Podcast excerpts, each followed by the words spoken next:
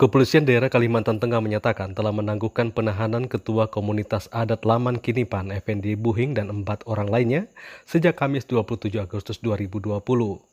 Kombes Hendra Rohmawan, Kepala Bidang Humas Polda Kalimantan Tengah dalam pesan singkat yang diterima VOA pada Jumat 28 Agustus menjelaskan penangguhan penahanan itu karena mereka berjanji akan bersikap kooperatif.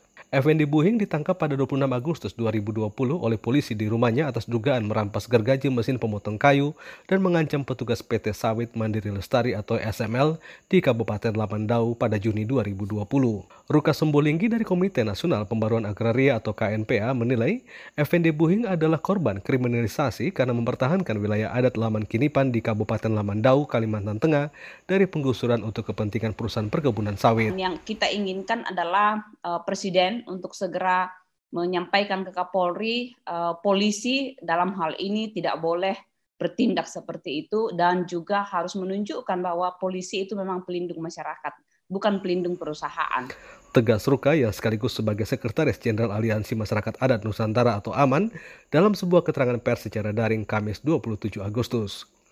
KNP menyebutkan wilayah adat Laman Kinipan, pemukiman dan tanah pertaniannya pada tahun 2018 digusur oleh PT SML dengan menggunakan alat berat untuk memungkinkan pembangunan perkebunan sawit.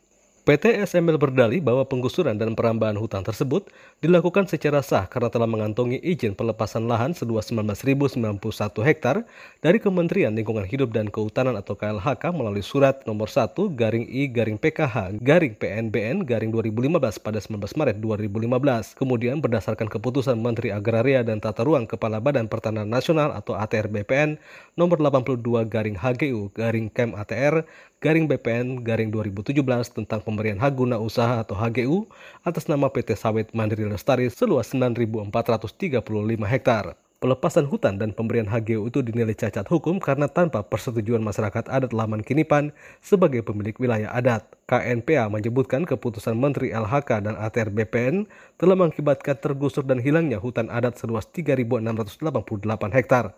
Nur Hidayati, Direktur Eksekutif Nasional Walhi, menilai negara perlu segera membahas rancangan Undang-Undang Masyarakat Adat agar hak-hak masyarakat adat dapat terlindungi, serta mengoreksi kebijakan di masa lalu terkait penerbitan izin-izin pengusahaan lahan di atas wilayah adat.